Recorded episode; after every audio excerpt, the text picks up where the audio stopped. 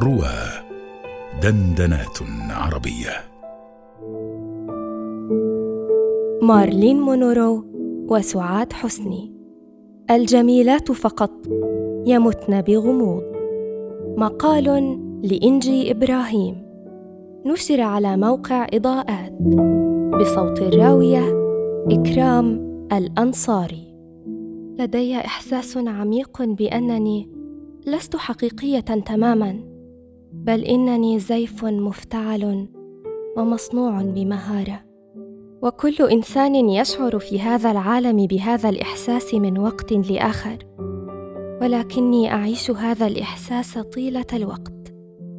بل أظن أنني لست إلا إنتاجا سينمائيا متقنا أتقن صنعه. مارلين مونرو. كانت تلك الكلمات هي ما تضمنته رسالة انتحار مارلين مونرو. التي يوافق شهر أغسطس ذكرى وفاتها.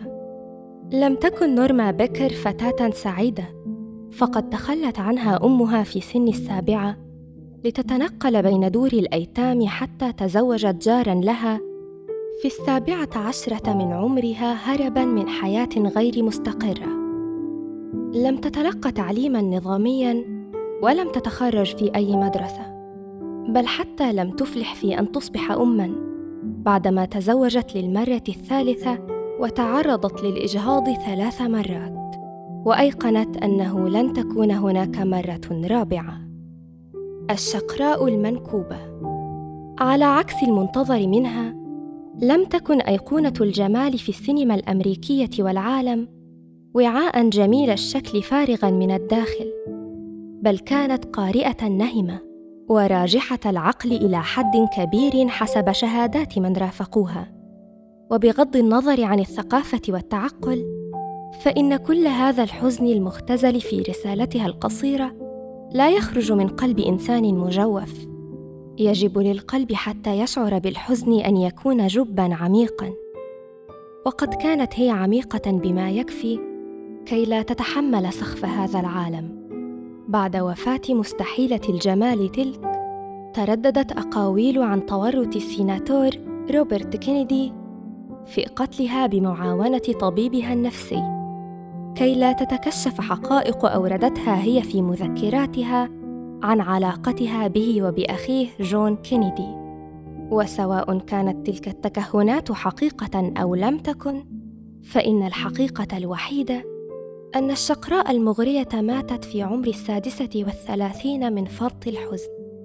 وإذا كان حزنها هذا بسبب حياتها المضطربة منذ أول ذكرى تنطبع في عقلها حين قالت إنها تتذكر أن والدتها حاولت خنقها بالوسادة وهي في فراشها في سن الرابعة أو تعرفها لطبيعة حياتها المصطنعة.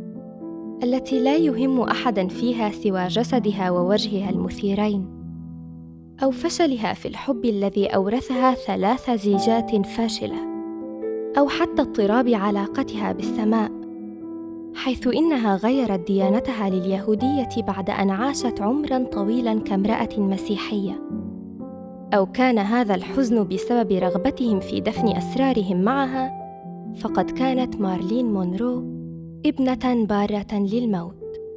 ماتت تقريبا منذ حاولت أمها أن تخنقها بالوسادة وأعلن عن هذا الموت فقط في أغسطس آب عام 1962 سعاد حسني ومارلين مونرو أبيض وأسود. عندما يثار الكلام عن مارلين مونرو يتذكر العقل تلقائيا فاتنة أخرى سمراء البشرة كان لها نصيب كبير في الحزن هي الأخرى. وقد كانت هي أيضا أيقونة للجمال حتى وإن كانت تمثل الجمال الشرقي الأسمر. على عكس قرينتها التي كانت مثالا للجمال الأمريكي الأشقر الشعر الشاهق البياض.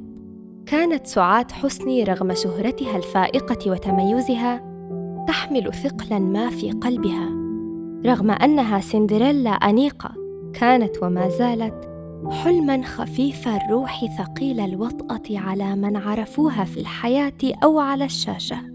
كانت بداياتها قبل وفاة مونرو بثلاث سنوات واستمرت على الشاشة حتى عام 1991 ثم اختفت حتى حادثة وفاتها الغامضة بعدها بعشر سنوات في 2001 ورغم أن سيرتها الشخصية لا تحمل نفس الإرث الثقيل الذي حملته الجميلة الأخرى فإن الحزن واحد تقريباً. فسعاد حسني أيضاً لم تتلق تعليماً نظامياً ولم تكن تعرف القراءة والكتابة أصلاً حتى أصبحت يافعة. كانت هي الأخرى يتيمة رغم وجود أبويها على قيد الحياة.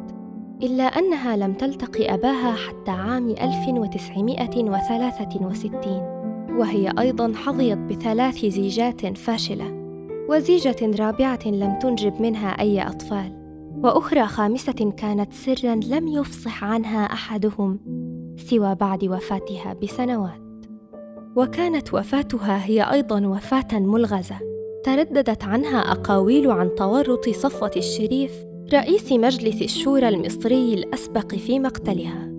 وكانت تلك الأقاويل أيضاً تتحدث عن علاقات مشبوهة مع رجال مهمين يخشون افتضاح أمرهم من جراء مذكراتها. الرجال يفضلون الشقراوات الثلاثة يحبونها.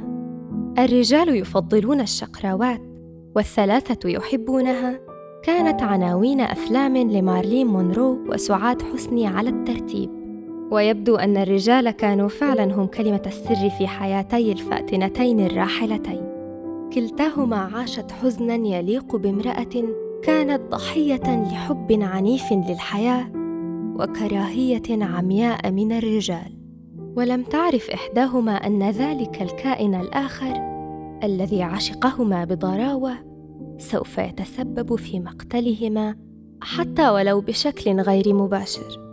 سواء كان موت الجميلتين طبيعيا أم مدبرا لا يمكن لأحد ألا يعتبر رحيلهما فقدا. فقد أثروا السينما والحياة بالكثير من الجمال والنعومة والحزن الذي تتردد أصداؤه في الحديث عنهما في كل مرة. كانت الجميلة المصرية تشارك الجميلة الأمريكية نفس الحزن. فلا حياة الشقراء كانت ملكا لها وحدها ولا كانت حياة السمراء وكانت وفاتهما مدوية كما كانت حياتهما.